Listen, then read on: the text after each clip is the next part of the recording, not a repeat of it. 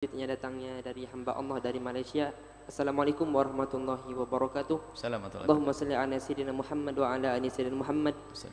Buya, saya pernah dengar bahwa ada hadis yang menyatakan Apa? bah- ada hadis hadis yang menyatakan bahwa Siti Aisyah dicium dulu oleh Rasul ketika keluar rumah dan Apa- Rasul apa itu? per- Apa?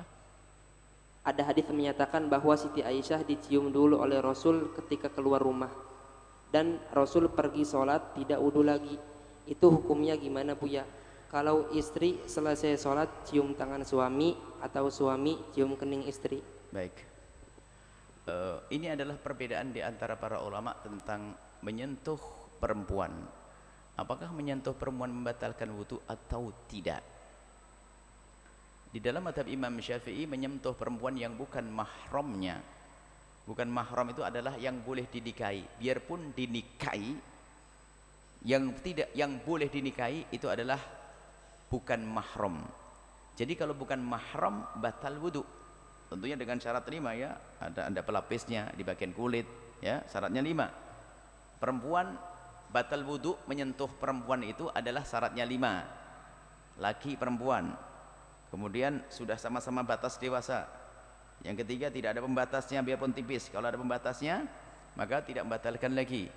Yang keempat adalah tidak digigi sama rambut sama kuku. Jadi kalau anda nyentuh rambut nggak batal. Ya. Kemudian di sini adalah lawan jenis. Perempuan dan perempuan tidak batal. Maka ini membatalkan wudhu. Termasuk orang yang semula adalah orang lain batal wudhu. Kalau dinikahi jadi istrinya tetap batal wudhu. Itu di dalam madhab Imam Syafi'i radhiyallahu taala anhu.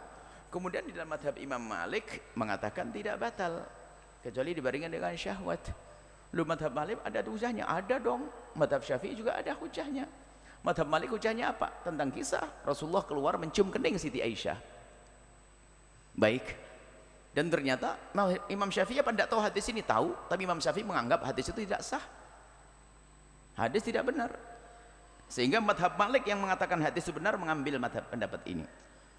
Dan ternyata menurut madhab Malik pun juga hadis ini dianggap sebagian ulama Maliknya mengatakan sama-sama lemah hadis ini. Tapi madhab Malik punya hujah yang kuat menurut madhab Malik selain daripada hadis ini. Hadis ini banyak hadis ini anggap saja hadis yang dipinggirkan. Kisah menjek mencium. Karena mencium berarti menye- menyentuh Siti Aisyah lalu Nabi tidak wudhu. Ini diambil oleh madhab Malik. Sebagian madhab Malik pun mengatakan hadis ini juga juga tidak kuat. Baik, ada satu hadis sahih tentang Rasulullah. Bukhari meriwayatkan yang lainnya. Rasulullah itu kalau sholat, itu sholat kamar Nabi kan kecil. Siti Aisyah itu mu'taridotun itu melintang di tempat sujudnya Nabi. Jadi kalau Nabi sujud itu langsung oleh Nabi kakinya dilipat. Kalau Nabi berdiri manjang lagi kakinya Siti Aisyah. Kalau nanti Nabi sujud dilipat. Ini hadis sahih riwayat di, di, di hadis sahih. Baik. Loh bagaimana dengan hadis ini? Apa Imam Syafi'i enggak tahu? Oh Imam Syafi'i tahu. Coba ini. Imam Syafi'i tahu. Lalu kenapa Imam Syafi'i tidak mengambil? Nah, Imam Syafi'i juga punya punya rambu-rambu untuk mengambil satu hadis. Yang pertama adalah Imam Syafi'i dulu. Imam Syafi'i dalam Al-Qur'an ulamastumun nisaa. Ulamastumun nisa lamasa ini diartikan oleh Imam Syafi'i bersentuhan. Bukan diartikan bersenggama. Jadi bersentuhan dalam Al-Quran. Sementara madhab Hanafi mengatakan ini bersenggama.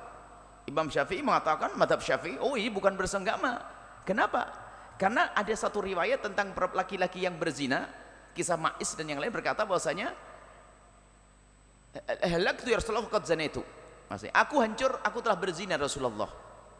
Tohirni sucikan aku. Kemudian Nabi mengatakan apa? La'allaka lamasta. Mungkin kamu masih bersentuhan loh. Coba.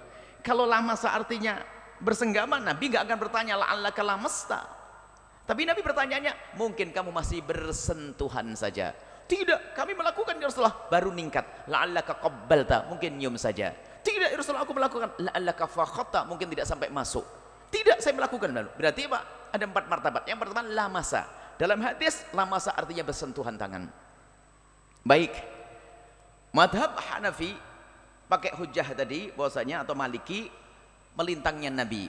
Lamasa artinya bisa saja bersentuhan, mungkin. Ah, bagi yang mengatakan lamasa artinya bisa bersentuhan dan artinya bisa bersenggama. Baik, oke. Okay. Kalau madhab syafi'i artinya bersentuhan. Tapi madhab yang lain diartikan senggama. Dan memberi makna senggama, tentu ada sebabnya. Kenapa madhab Hanafi mengatakan itu bersenggama? Karena apa? Ada hadis sahih, Nabi bersentuhan menurut dia, menurut madhab Hanafi, menurut madhab Hanafi ini ada Nabi menyentuh tapi ternyata Nabi tetap melakukan sholat yaitu hadis sahih tadi. Baik apakah itu benar Nabi menyentuh atau tidak? Yang sahih ini.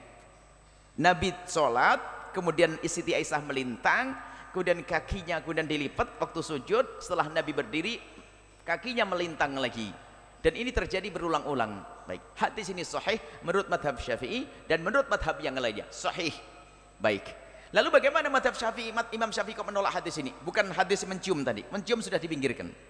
Bukan hadis mencium. Tapi hadis tentang ini, hadis sahih, melintangnya Siti Aisyah waktu Nabi Muhammad sholat.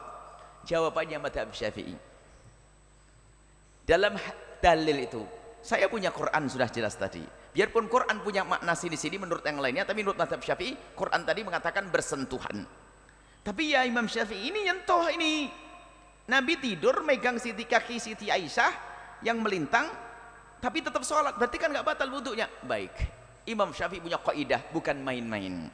Semua dalil idza tatarraqa alaih ihtimal saqata anhu istidlal kalau dalil itu masih mungkin begini mungkin begitu nggak dipakai dalil oleh Nabi Muhammad. Baik sekarang pertanyaannya waktu Nabi Muhammad melintang Siti Aisyah melintang pertanyaannya adalah satu itu di musim panas atau musim dingin? Belum jelas. Karena Nabi hanya menyingkirkan kaki Siti Aisyah. Kemudian yang kedua Siti Aisyah pakai selimut atau tidak? Pakai selimut atau tidak? Jawabannya mungkin. Pakai selimut mungkin tidak pakai selimut umumnya kalau anda tidur pakai selimut tidak umumnya pakai selimut Ya enggak?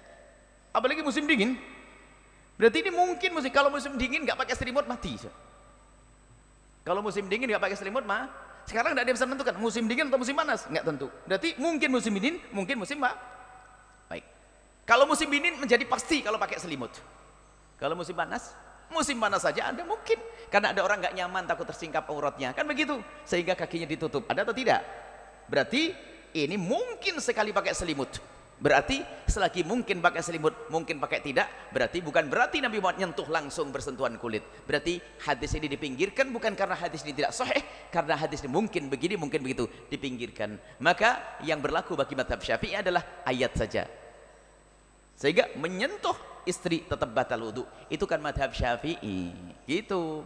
Kemudian madhab yang lainnya, imam besar madhab malik mengatakan bat, tidak batal, ini adalah madhab besar. Madhab Hanafi mengatakan tidak batal ini urusan madhab Hanafi. Ulama besar. Tapi kita hanya menjelaskan madhab Syafi'i. Jadi istri anda tetap batal wudhu istri anda batal wudhu kemudian nanti di saat-saat tertentu. Tapi batal itu adalah itu saja. Kalau lagi pengen nyentuh istrinya nggak betah ya pegang kepala saja. Asalkan kepalanya tidak botak pokoknya rambut ada rambutnya ke gigimu saja gigi megang kuku nggak batal ya ini pembahasan para ulama. Maksud kami ingin jelaskan perbedaan ulama itu. Jangan anda mencaci deh. Madhab syafi'i, syafi'i jelas. Tidak usah mengatakan madhab syafi'i salah. Atau menyentuh perempuan batal, goblok. Nggak boleh begitu. Lihat hujahnya Imam Syafi'i hebat. Hujah Imam Malik juga hebat. Hanafi juga hebat.